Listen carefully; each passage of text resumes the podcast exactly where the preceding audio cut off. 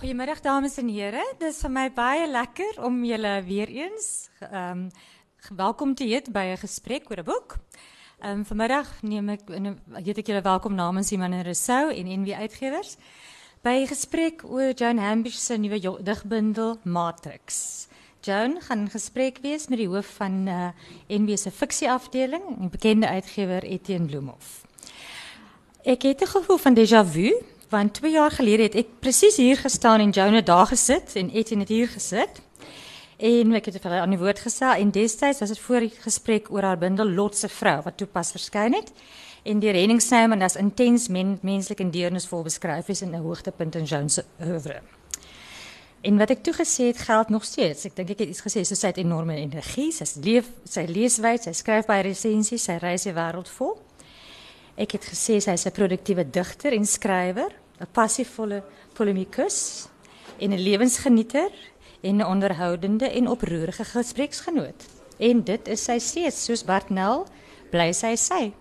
So Jan, Jan en Etienne, baie dankie dat julle weer hier is. En ek sien uit na net so 'n lekker gesprek as 2 jaar gelede sin. Dankie. Baie dankie Marga. Plek hier voor.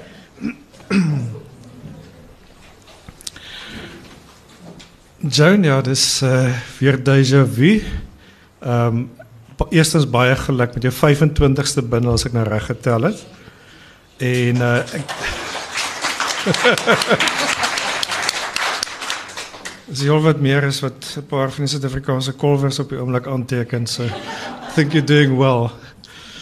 Joan, ek dink een van die eerste goed wat mense wat mens dadelik vir wil vra is hierdie treffende omslagfoto en dit begin al eintlik gewoonte raak dat jy self 'n foto verskaf vir die vir die omslag. Wat is die geskiedenis van hierdie foto? Etienne, ek wil eerstens vir jou sê ek dink ons twee sal 'n gedigte spannetjie. Ek verwys altyd as ek vir Etienne 'n e-pos skryf dan sê ek is ons weer reg vir ons Fred Astaire, Ginger Rogers, jy weet aanbod. en hier is ons weer vanmiddag. Die foto het ek geneem tydens 'n reis uh en ek neem altyd fotos as 'n soort argief van deure. 'n Deur is my 'n fascinerende as jy weet soort van ja, dit is 'n objek wat interessant is, 'n toe deur, 'n oop deur. Ek wou aanvanklik 'n deur van Zanzibar op die voorblad geplaas het. Uh want dit is 'n pragtige deur met jy weet ehm um, skerp stekels waarmee olifante afgeweer is. Jy weet om eintlik die digkuns dan te representeer as iets waar teen jy jou verset of verweer. En ek en die kunstenaar wat my help om die omslag te skandeer en te bespreek, Susan Bloemhof het uiteindelik besef nee, dit dit gaan nie reg werk nie. En ek het toe besluit om deur te gaan deur 'n reeks foto's wat ek geneem het deur Slovenië, Kroasie en daar het ek toe afgekom. Daardie twee laatkommers daar agter hier is plek vir voor.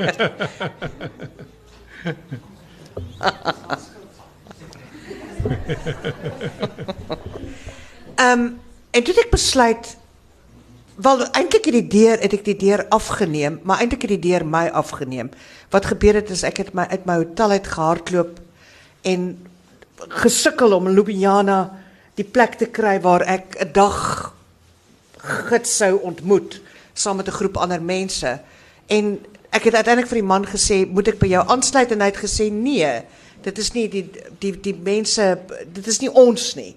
En toe het ek teruggehardloop na 'n punt, jy weet 'n sentrale punt in die dorp en uiteindelik op hierdie tog van verdwaal het ek hierdie pragtige deur afgeneem en uiteindelik besef dit is die deur wat ek wil hê op my voorblad. Want as jy baie mooi kyk, sal jy na regs sien, daar is die deur se naam en dan die verskillende aspekte van menswees. Hier is die die handvatsel van die deur en natuurlik die priester, die gefolterde wese, oorlog, die moeder en kind agterop natuurlik weer eens vol, foltering, die geliefdes en natuurlik dan ook weer mens kan eintlik sê die perd en die Pegasus. En ek en Susan het baie lank daaroor gepraat Susan Bloemhof En sy het aanvanklik gevoel dat ons moet die die die agterste gedeelte het sy gevoel is sterker, maar ek het gedink nee, ek wil die deur representeer soos wat ek hom afgeneem het. Ek is nie 'n groot fotograaf nie, maar soms jy weet is daar 'n gelukskoot soos die foto op die voorblad van Wiesems by Verstek waar ek by Machu Picchu gestaan het en 'n foto geneem het van die pragtige berg en die aand toe ek die foto aflaai of die fotos aflaai op my laptop, toe sien ek maar daar's 'n pragtige blom wat in die steegie staan. En mense het gedink dit is gefotoshop, maar dit is nie so nie. Dis werklik die gelukskoot. En dit geld natuurlik die digkuns. 'n Gedig is baie keer ook 'n gelukskoot. Dis 'n momentopname wat jy dan agterna besef maar dit is iets wat jy beleef het Ja. vir daardie oomblik wat waar is. En dan ook natuurlik meditasie se baie treffende foto's. You're on a roll. Ja, die die die die meditasies het 'n foto van die Brooklyn brug. Ek was daar in New York, my een van my geliefde stede wat ek soos die palm van my hand ken, het ek op 'n oop bestuur gesit in Brooklyn en letterlik teruggeleun en die Brooklyn brug afgeneem. En agterna, danksy die kunstenaar kon ons die foto pragtig representeer. En ek dink dit is 'n dit is 'n omdat ek dikwels ook oor brûe skryf. Die brug is 'n oorgang van een plek of ruimte na 'n ander. Goed nou, dit is met die deur in die huis geval het. Verskoon nie baie flou grappie. En ek dink ons sal so van die algemene en dat die spesifieke toe. Ek dink een van die baie logiese goed is maar gewoonlik om weg te spring met 'n titel. En hier het ons 'n baie treffende uh titelgedig op bladsy 9 genaamd Matrix. Ek het gewonder of jy so gaaf sou wees om dit vir ons voor te lees en dit dan miskien uh miskien net vir ons ietsie te sê oor die keuse van 'n titel vir hierdie bundel wat Wel, dan 'n eenheidsbundel is. Ja, 'n titel is vir my altyd baie belangrik. Dis eintlik ek kry 'n titel en dan werk ek rondom daardie titel. Jy weet dan bou ek letterlik gedigte soos wat 'n mens 'n kathedraal bou. Ehm um, ek is op die oomblik besig om te werk aan 'n bundel indeks. Jammer vir jou, daar's een weer aan die gang. Ehm um, so ek werk met 'n titel en dan gaan ek letterlik in daardie ruimte in en ek doen ontsettend navorsing.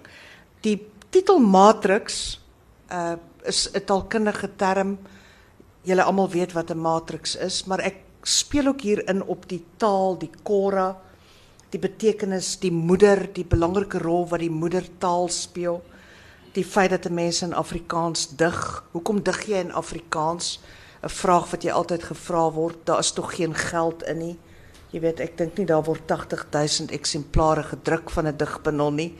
Ehm um, as jy met digters praat reg oor die wêreld of hulle in New York woon of in Dublin, sal sê die digkuns verkoop nie. Jy weet jy's 'n bestseller as jy 800 digbundels verkoop. En gedigte en vertalings werk ook nie regtig nie, want mense is altyd skepties oor die gedig. So die moedertaal aspek van 'n gedig is geweldig belangrik. En die matriks van taal in hierdie bundel spreek ek dan ook die moederskap van gedigte aan. Ek verwys ook na die gedigte van Eybers en gedigte van Opperman. Dit is eintlik die twee figure wat vir my digterlik voortstuur met dan ook gesprekke met Johan de Lange wat 'n vriend van my is, 'n persoon wat 'n baie belangrike invloed in my lewe het. Ons lees mekaar se werk, lewer kommentaar en kritiek daarop. So die matriksgedagte is eintlik wie jy is word altyd bepaal deur jou ouers. Jy kan nooit wegkom van jou moeder of jou vader nie. En jy kan ook nie wegkom van die simboliese moeders of vaders in jou lewe nie. Nou wanneer jy 'n digter is, dan kies jy simboliese moeders en vaders en hulle bepaal jou. Daarom het Eybers 'n geweldige belangrike rol in my lewe gespeel. Ek dink by De Lange is dit weer cousins as die moederfiguur van Wyk Lou by hom. By my is daar 'n baie sterk gesprek met veral Opperman. Ek vind Opperman se poësie uitdagend, fantasties, maar ek dink hoe ouer ek word, hoe meer staan ek vol bewondering vir Elisabeth Eybers. Ek dink sy is 'n absolute fenominale digter wat die matriks van taal ontgin en wat sy dan uiteindelik reg kry is dat sy in twee tale dig. Jy weet sy dig in 'n jy weet sy's vir die Nederlanders interessant, sy's vir Afrikaanse lesers interessant, maar sy skep haar eie taal, 'n tussentaal. Uh jy weet 'n taal waar as jy 'n woord lees dan besef jy dit is sowel Afrikaans maar dit is ook Nederlands. En daardie onsekerheid wat sy skep, daardie ambivalensie ja. is wat haar gedigte so ontsettend interessant maak. Ehm uh, ek vind haar gedigte enorm belangrik. Die feit ook dat sy so sterk vormbeheer het. Niemand kan 'n sonnet of dit is die Eybers skryf nie. Baie fyn stilis. Ek het gehad om twee bundels van haar uit te gee en kon nie glo hoe goed versorg daai ja, teks by my ja, uitgekom ja. het. Wel ek ek het Eybers 3 keer in my lewe persoonlik ontmoet. En dit was my baie interessant om ook te hoor hoe sy van buite na die Afrikaanse digkuns kyk en wat vir haar interessant was. En die een ding wat sy nie verduur het in die digkuns nie. En sy het dit vir my by herhaling gesê, sy het gesê 'n gedig moet jou nooit embarrass nie. Sy het, en dit en ek dink dis 'n baie belangrike ding is dat haar ingehoue aspek van haar gedigte is iets waarna ons almal maar net kan streef. baie dankie Joan. As jy miskien vir ons 'n gedig sal voorlees? Moet ek die gedig Watter ene moet ek lees? Op bladsy 9, Matrix op bladsy 9. Sal ons nie maar sal ons nie maar, jy weet, soos in daardie beroemde verhaal lees ek alles wat ek nie ja. Uh jy met wil jy watter gedig? Ek is nou nie met jou nie. Dit is die titelgedig Matrix op bladsy 9. Wel ek sit hier met 'n ander uh bladsy nommer as jy. O, ekskuus. Ja.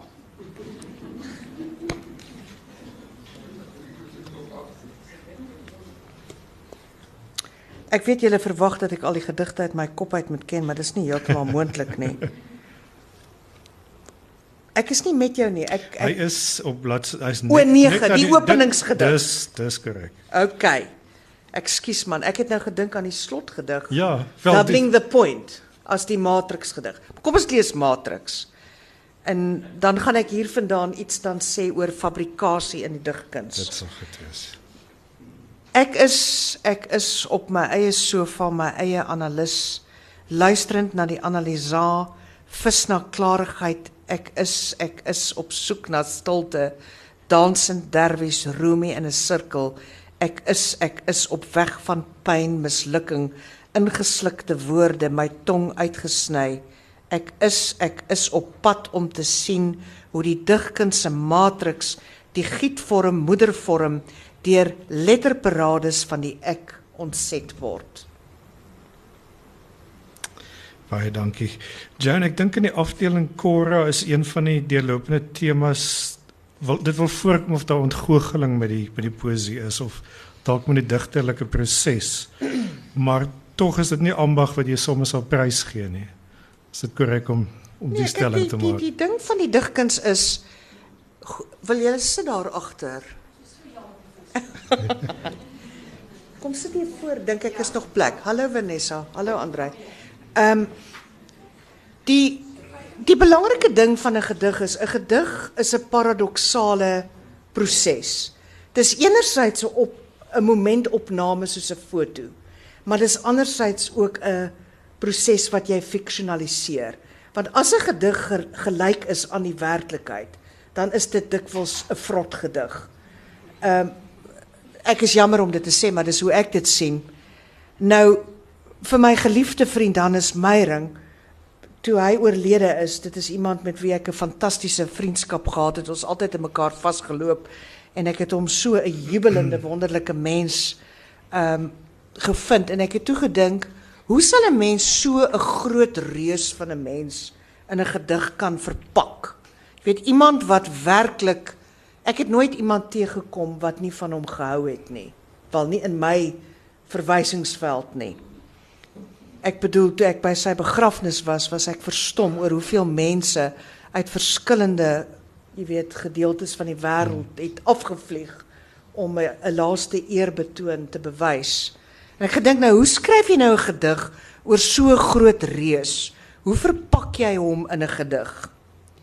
Hannes Meyring, dis op bladsy 61. Geen kwatryn verpak met vernyn. Geen sonnet met rymdwang of verwyd. Net 'n liefdevolle tanka vir 'n ou maat. Wakka sou jy uitroep, wyl ek tel aan syllabus 5757 57 77 en betyds besef larger than life word beslis nie in 'n klein vorm verpak vir jou 'n uta of lied is 'n dokka oor jou lewensvreugde en my pyn. Met ander woorde, ek vat hier dan 'n Japaneese vorm want die Japaneese is groot stiliste. Jy weet met ander woorde dat jy net dit sê sodat die leser self die priemende pyn ja. moet ervaar. Met ander woorde dat jy eintlik wanneer jy 'n gedig skryf die gedig afskaal net tot die essensie. Met ander woorde geen woord oorbodig nie en dat die leser dan agterna dink, hoekom is hierdie persoon so verpak en natuurlik dan nie net 'n reus van 'n mens nie, maar ook 'n persoon wat in sy kunswerke, nê, altyd minimalisties gewerk ja. het en presies elke streep of elke ding was presies in sy plek gewerk het met suggestie.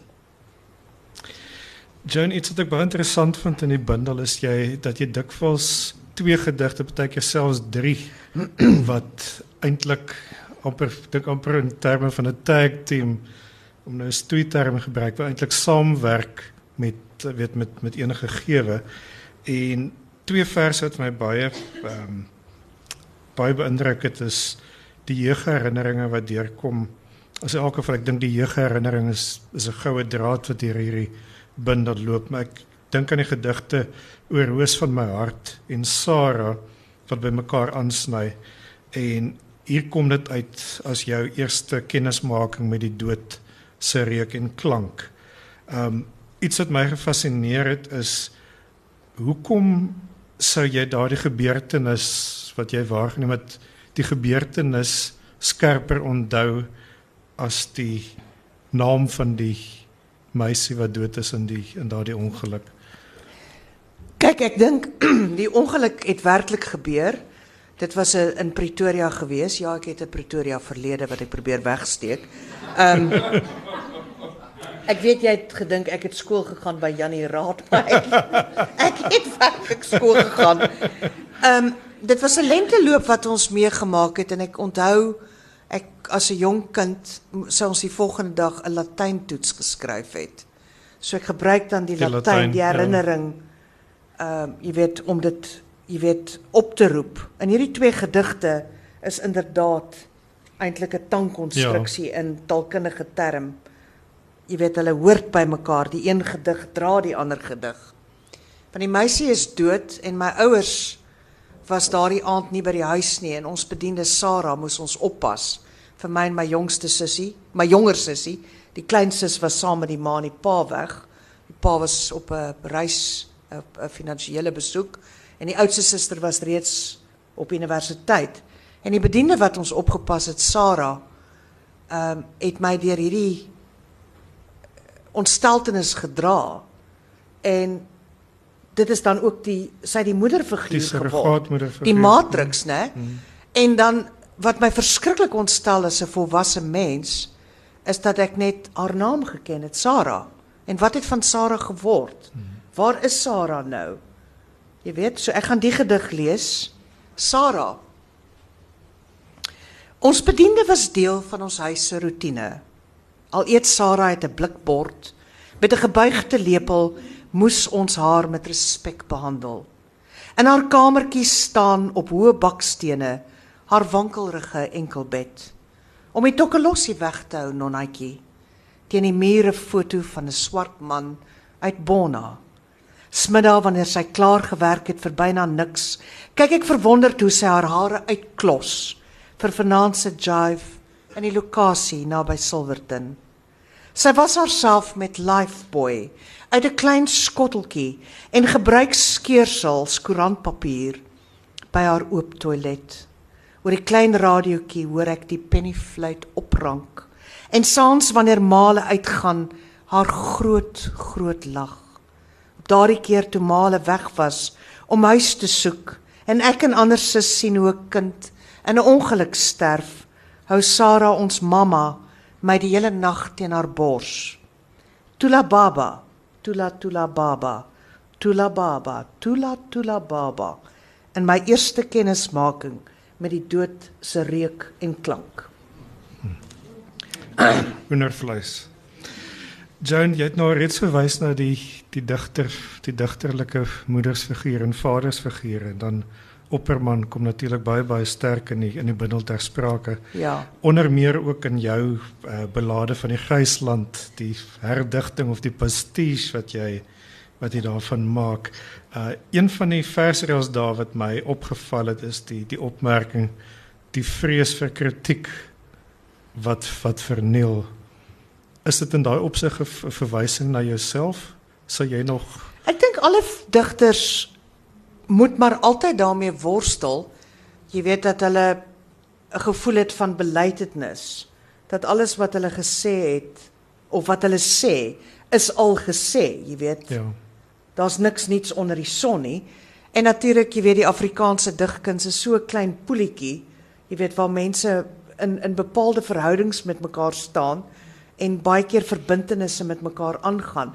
Daar's verskillende forme en ek dink ja, ek dink as jy nie 'n vrees vir kritiek het nie, dan kan jy ook nie groei nie. Ek dink kritiek in 'n letterkunde is baie gesond want dit help mense ook om te groei deur sekere prosesse. En die afskaling daarvan is besonder gevaarlik. Hoe sê jy? Die afskaling van kritiek is besonder Ja, die afskaling van kritiek is besonder gevaarlik want daar verskyn ongelukkig te min resensies.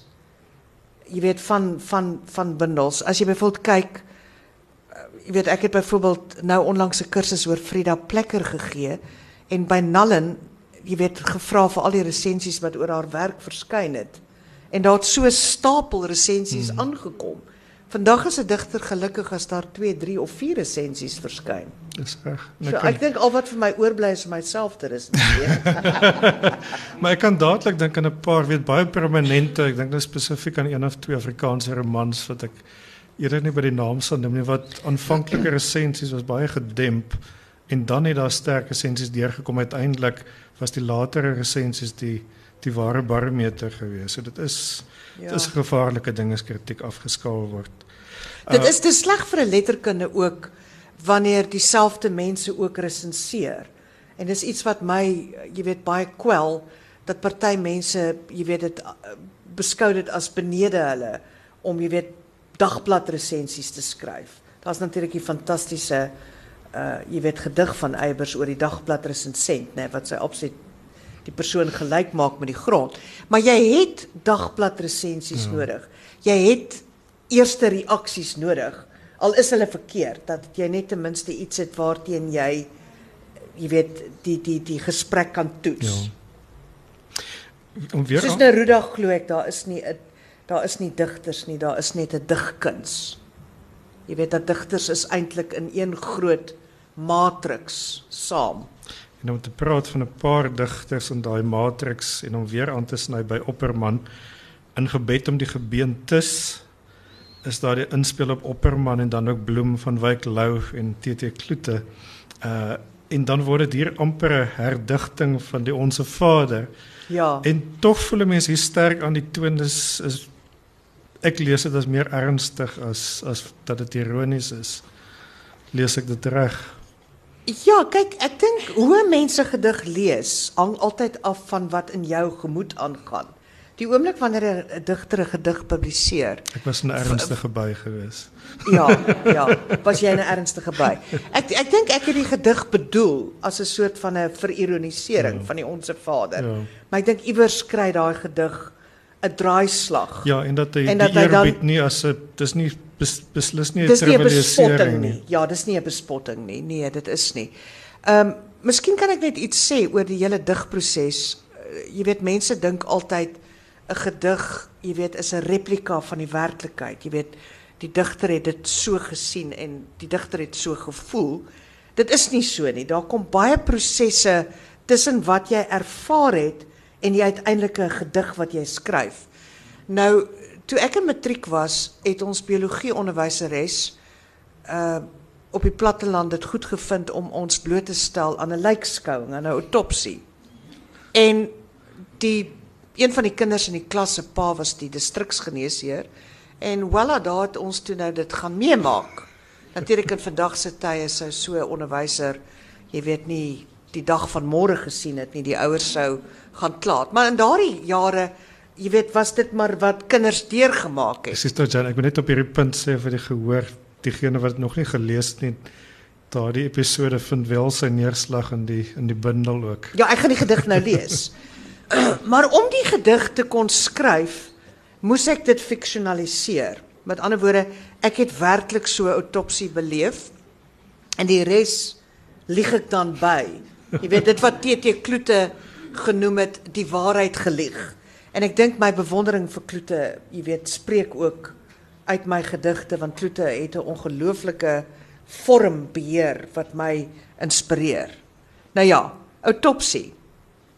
My biologie juffrou, 'n slim plantkundige, besluit 'n lijkskouing sou die werking van die spysverteringsstelsel konkretiseer.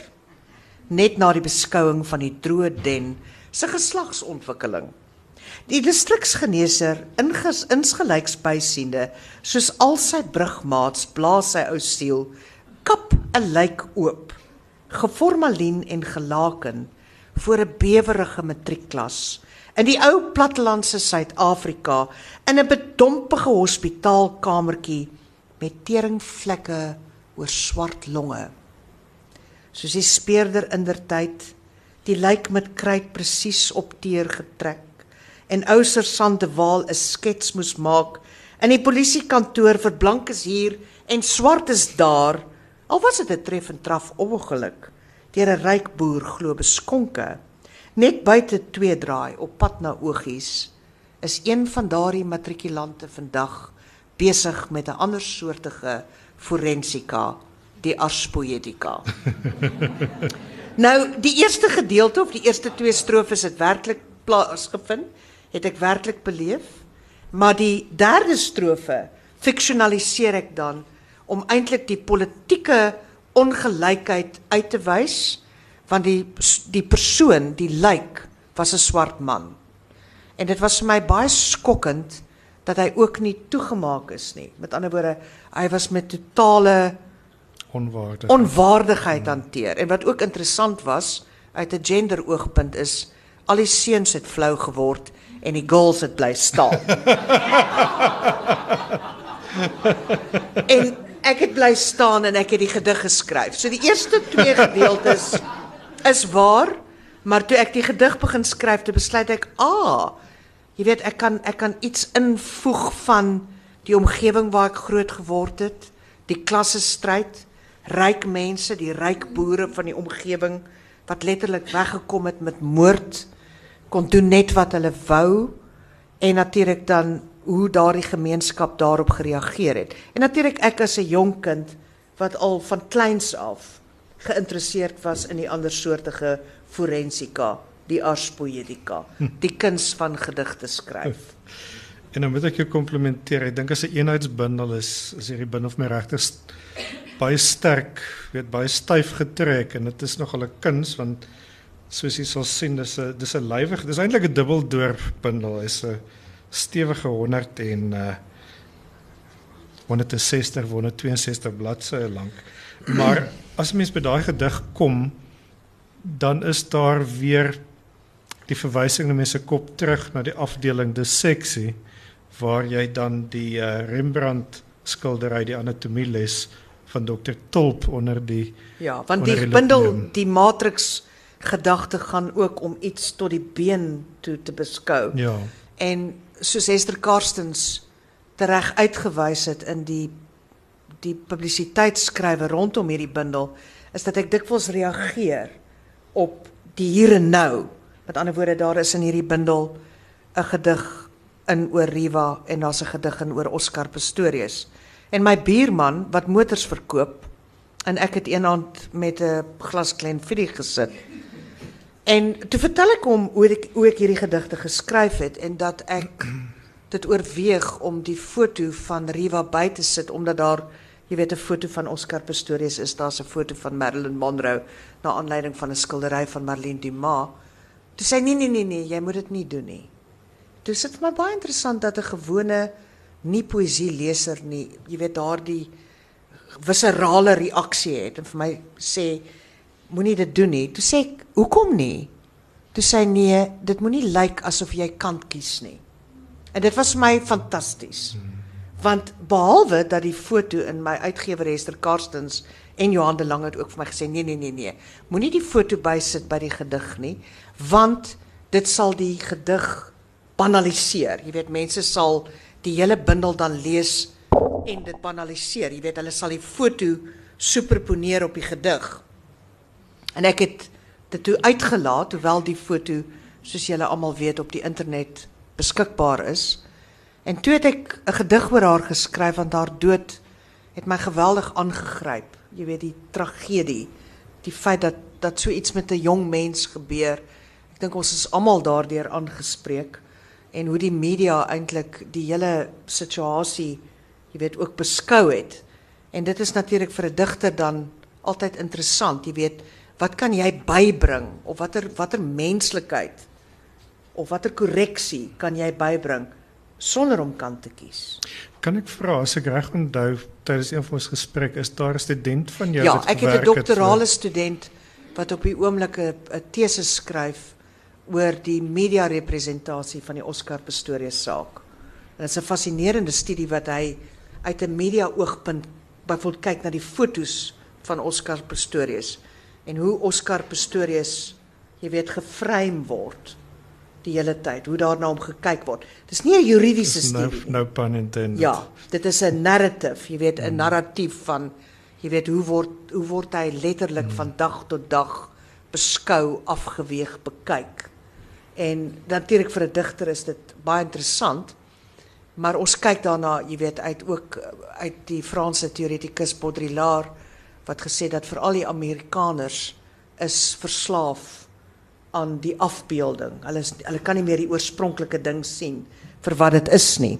Dink die Suid-Afrikaners is ver agter hulle. nie. Nee, ons is nie. Maar in elk geval die gedig wat ek oor Riva geskryf het, plaas ek dan teen die agtergrond van Marilyn Monroe en John F Kennedy wie se lyke en koppe en so aan ook op die internet beskikbaar is.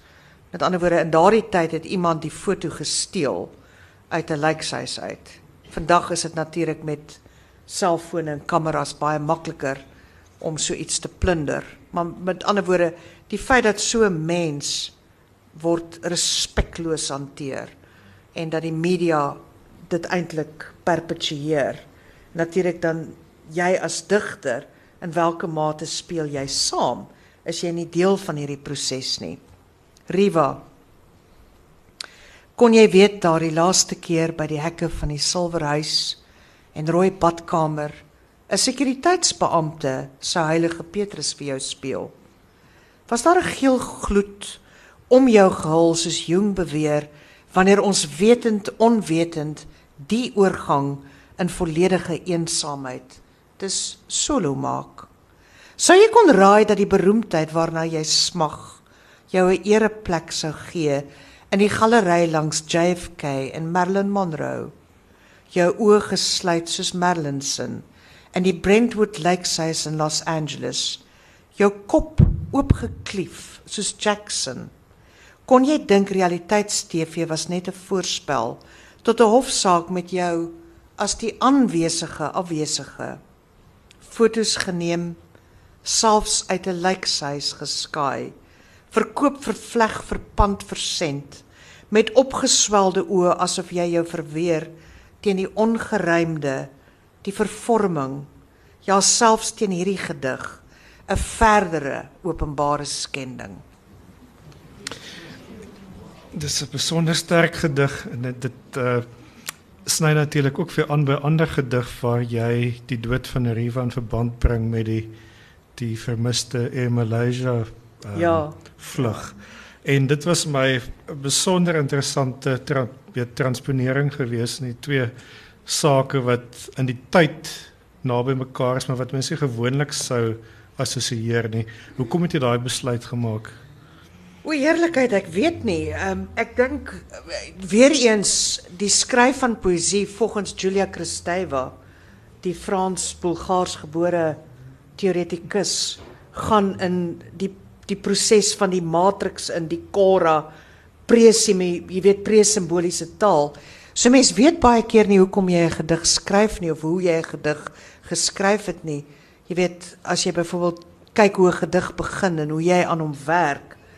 En ek dink ja, ek dink die die die die vlugplan, jy weet Riva wat op vlug geslaan het en ook die die vlugplan van die Air Malaysia, né, dat dat wat het van daardie vliegtyg geword? Daar's baie teorieë. En ek dink ons leef in 'n tyd waar ons so, jy weet, ons kan niks meer ontglip nie. Alles ons is oorweldig deur die media.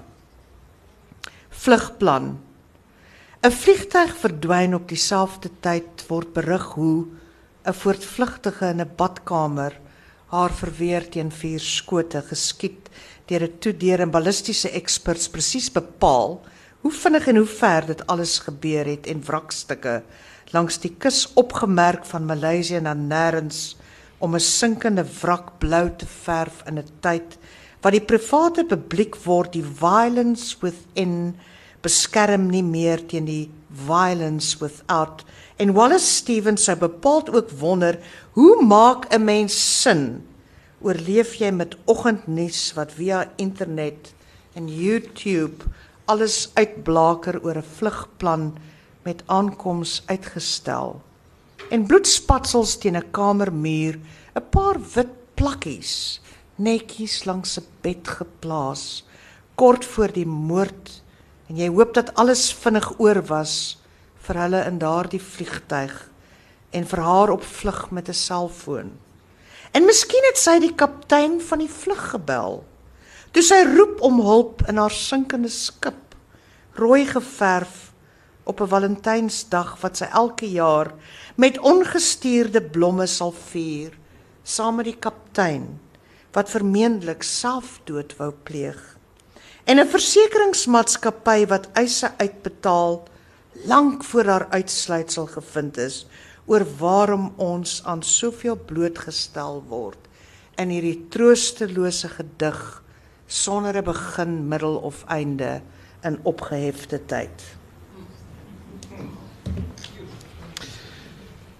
Joan, ek dink die die uitdaging vandag, ek dink die gehoor sal kan aflei diegene wat dit nog nie gelees het nie. Dit is so digte bundel en is 'n omvangryke bundel dat nogal moeilik is om binne 50 minute dink ek regtaan te laat geskied.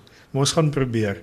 Uh ek wil baie graag hoor een van die tekste wat ook al voorheen in jou in jou bundels gefigureer het is uh Dood in Venesië dan sowel die Thomas Mann teks as die uh Lucino Visconti film.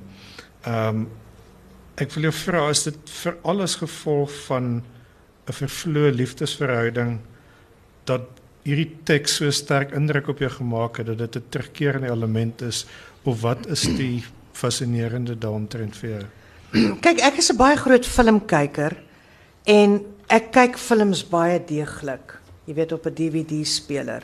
En ek kyk dikwels ook na hoe 'n film gemaak is. Want jy kry baie tips wanneer jy kyk hoe mense films maak. Want dit is my baie interessant dat groot regisseurs dieselfde tegnieke gebruik as digters. Jy weet dat hulle lieg, dat hulle bedrieg. Jy weet, ek hoef nie vir julle te vertel van watter films julle al op aarde gesien het wat jy weet konsys afspeel op 'n plek en dan is dit eintlik op 'n ander plek vir film nie jy weet Ryan's daughter hmm. hè is vir film dig by kommetjie Wilderness ook ja, ja. omdat hy weer in in in ehm um, die noorde van van uh die plek waar hy dit wou skiet dit was daar was net daar was net te veel water en reën en hy hy kon nie die regte skote kry nie nou Visconti se Dood in Venesië is 'n fantastiese film ek bedoel jy kyk daarna Ek bedoel dit is nie beter as die Thomas Mann gegewe nie.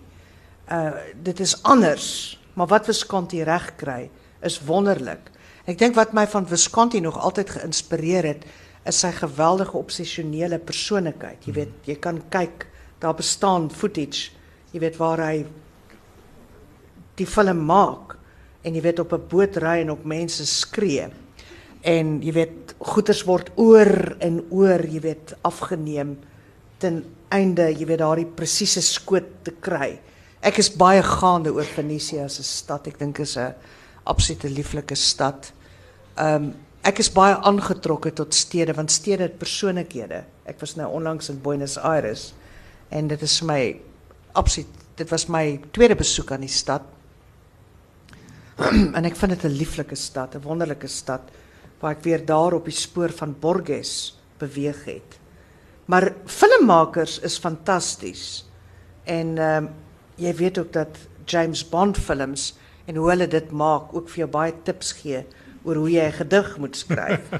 Veral die groot James Bond rolprent, die Matrix van James Bond is natuurlik From Russia with Love.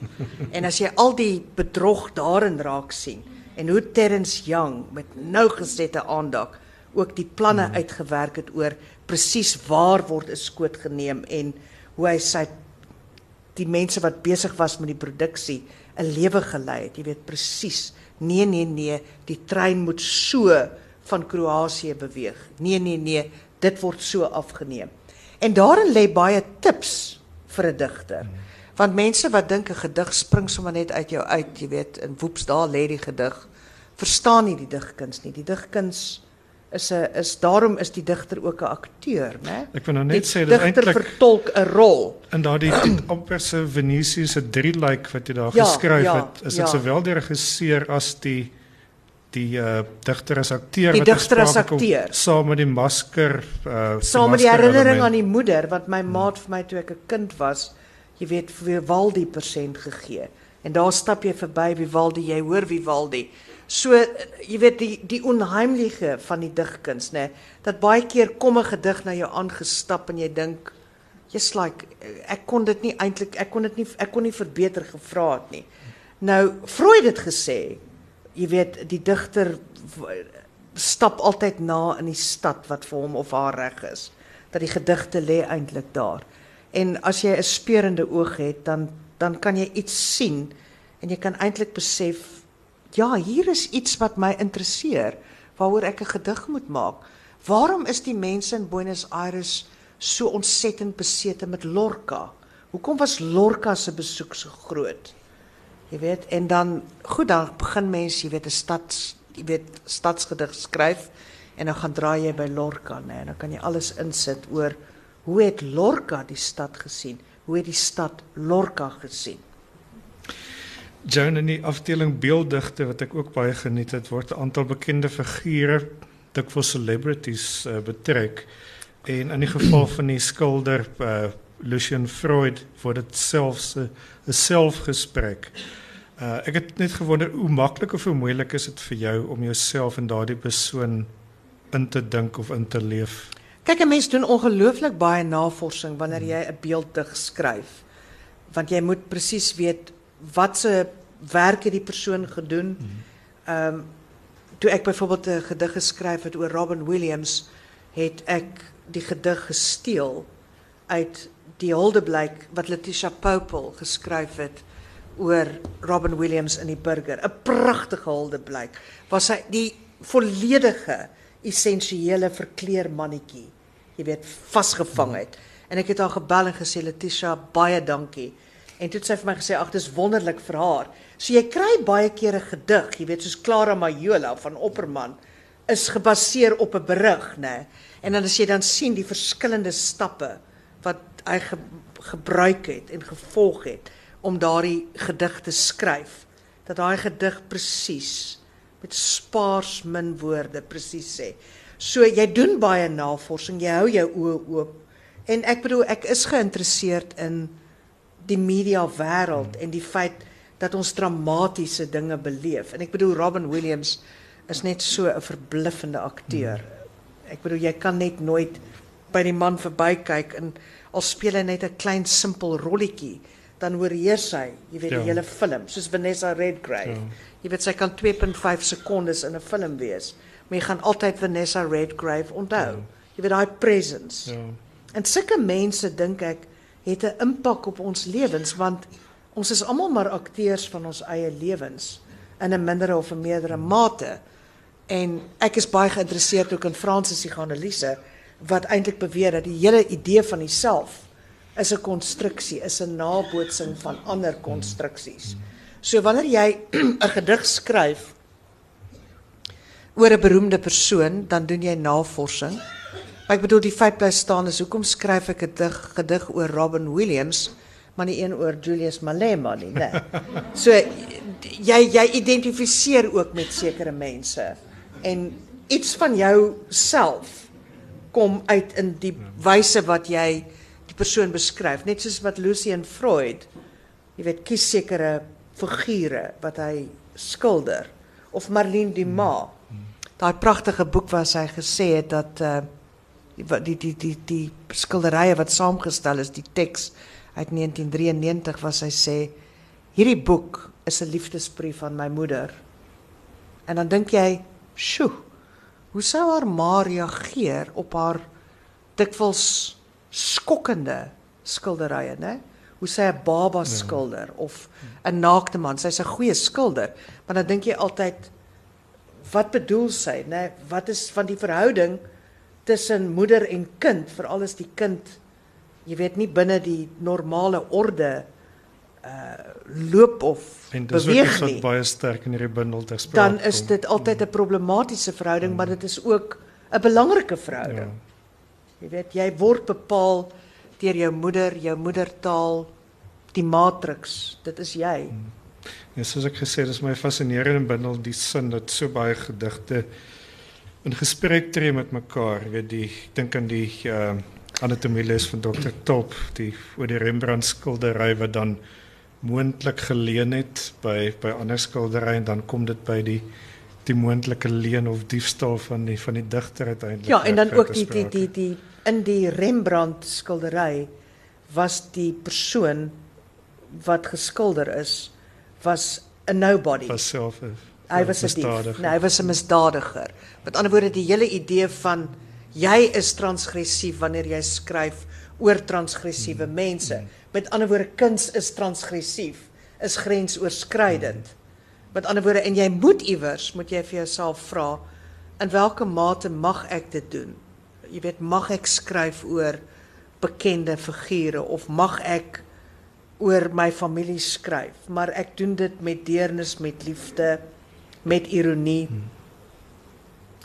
Ook met die mes op jouself indruk dat jy altyd die kapasiteit het om ook die kritiek wat jy Ja. uitspreek terug te draai. Met ander woorde, ek is nie iemand wanneer ek 'n autopsie gedig skryf oor my jeug jy weet en dan sê ag jy weet dat ek dit net jy weet verwerp nie.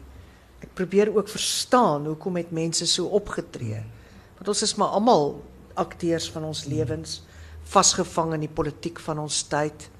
Uh ons kan nie daar buite beweeg nie. En ja, en my leermeesters, want onthou 'n leermeester hoef jy ook nie in werklike lewende lywe te ken nie. My leermeesters is Opperman, is Eybers. En kyk hoe skryf Eybers byvoorbeeld oor die dood van haar seun. Ek bedoel dit is 'n dit is net 'n gedig wat jy dis 'n klein gediggie oor Bert Wessels en dit ruk jou keel oop deur wat sy nie sê nie. Of Opperman by die dood van Roy Campbell, né? Waar hy 'n 'n beeld maak van jy weet iemand wat jy weet 'n robuuste mens was, maar die deernis wat daar wat uitkom is is is dit dit is en ek dink dis waarna 'n mens streef. En En dink- Wallace Stevens is ook 'n groot ehm um, digter wat my inspireer. Ek dink die wat die deernis betref, dis ook een van die elemente wat baie sterk uitkom in jou lijkdigte en van haar in hierdie bundel weer 'n hele paar is. Dan wil ek jou vra die twee lijkdigte wat my geweldig interesseer is die die een oor Maria Callas mm -hmm. wat jy bloot Maria noem. Ja. My eerste deel van my vraag is is dit voel jy so sterk verwantskap dat jy juist dan net die voornaam gebruik en die tweede een is Jy het natuurlik gedink is the sound of music, né?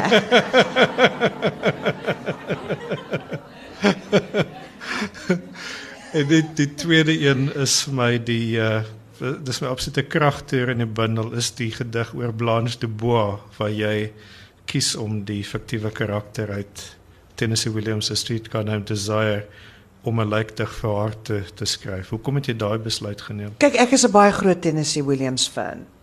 Ek dink daar is waarskynlik niemand wat by hom kan kers vashou nie. Uh, hy kon hy kon 'n drama skryf dat dit net jy weet oor die menslikheid en waansin. Cat on a hot tin roof, jy weet. Ehm um, kyk Edward Albee en Pinter en al daai mense is ook goed, maar wat wat vir my fantasties is van Tennessee Williams is dat hy was geen intellektueel nie. Govidal het by geleentheid gesê dat jy net geskaterlag, jy weet wanneer hy jy weet homself intellektueel uitge, uitgelaat het. Maar hoekom ek identifiseer met Tennessee Williams en ek dink in Lykdig is daar ook 'n gedig wat inspel op Tennessee Williams is ek vind sy ek wil amper sê sy primitiewe manier van omgaan met die menslike lot absoluut fantasties.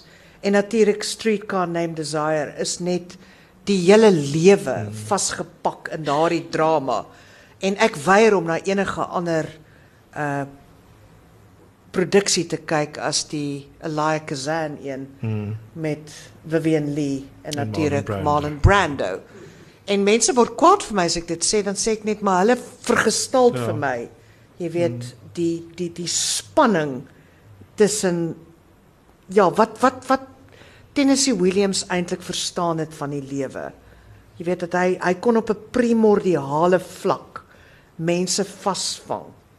Jy weet hier kom hierdie waansinnige vrou aan by haar suster en sy sien neer op haar suster en omdat sy eintlik haar suster se situasie, nê, die armoedigheid daarvan en omdat sy eintlik vir Versteyn Kowalski uitdaag en hom jy weet as 'n brutale bobbejaan beskou, besluit hy net maar goed, nou gaan ek vir jou uithaal girlfriend. En dit is eintlik waar die drama lê.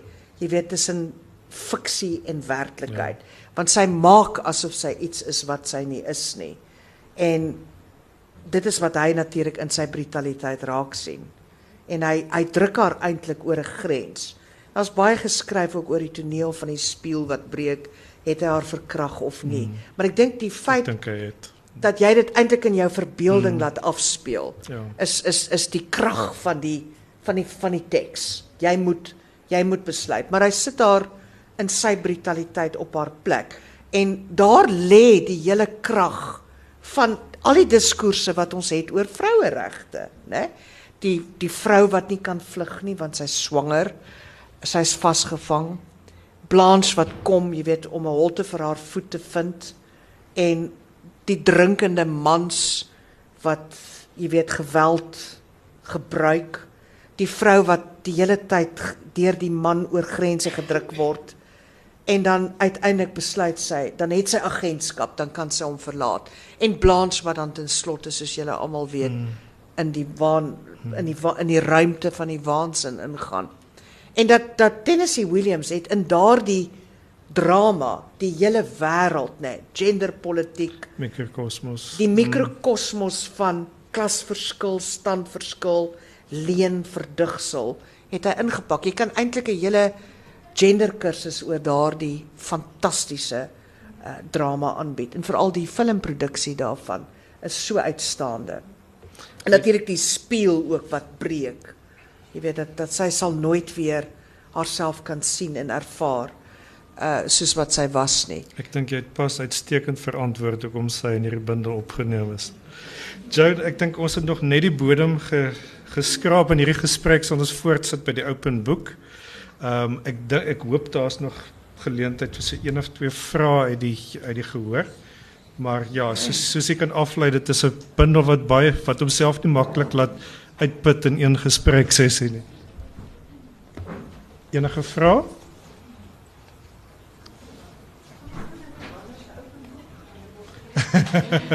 Die 24ste, Esther? 24 of uh, nee, wanneer praat ek by die boek lounge? 24 25 Maart. Eben 24 Maart.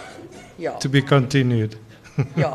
Ek dink op die 24ste sal ons 'n ander angle vat. Jy weet dat ons dat, dat dat ons uh, iets anders sal kyk. Is daar enige verdere vrae voordat ons die deur sluit en julle almal gedwing word om 'n boek te koop? Terloops die een wat nommer 13 koop kry 'n aantjie saam met die digteres. Baie dankie Joe. Okay. Dan dink ek ons is seker klaar. Is ek weet nie of daar nog of iets hier gebeur op sessie nie. Ehm um, Joan en Etienne baie dankie. Dit was 'n verskriklike lekker gesprek geweest soos altyd. Ehm um, baie interessant, baie baie. Insiggewend ook. Ehm um, en dan almal van die baie dankie dat jy gekom het. Die boek is beskikbaar by die boekwinkel aan die ander kant en ons gaan vir Joan so toe stuur sodat sy die boeke kan teken. As wat julle gaan wat julle almal gaan koop Ek asseblief. het 'n chappie daar nie. Baie dankie almal.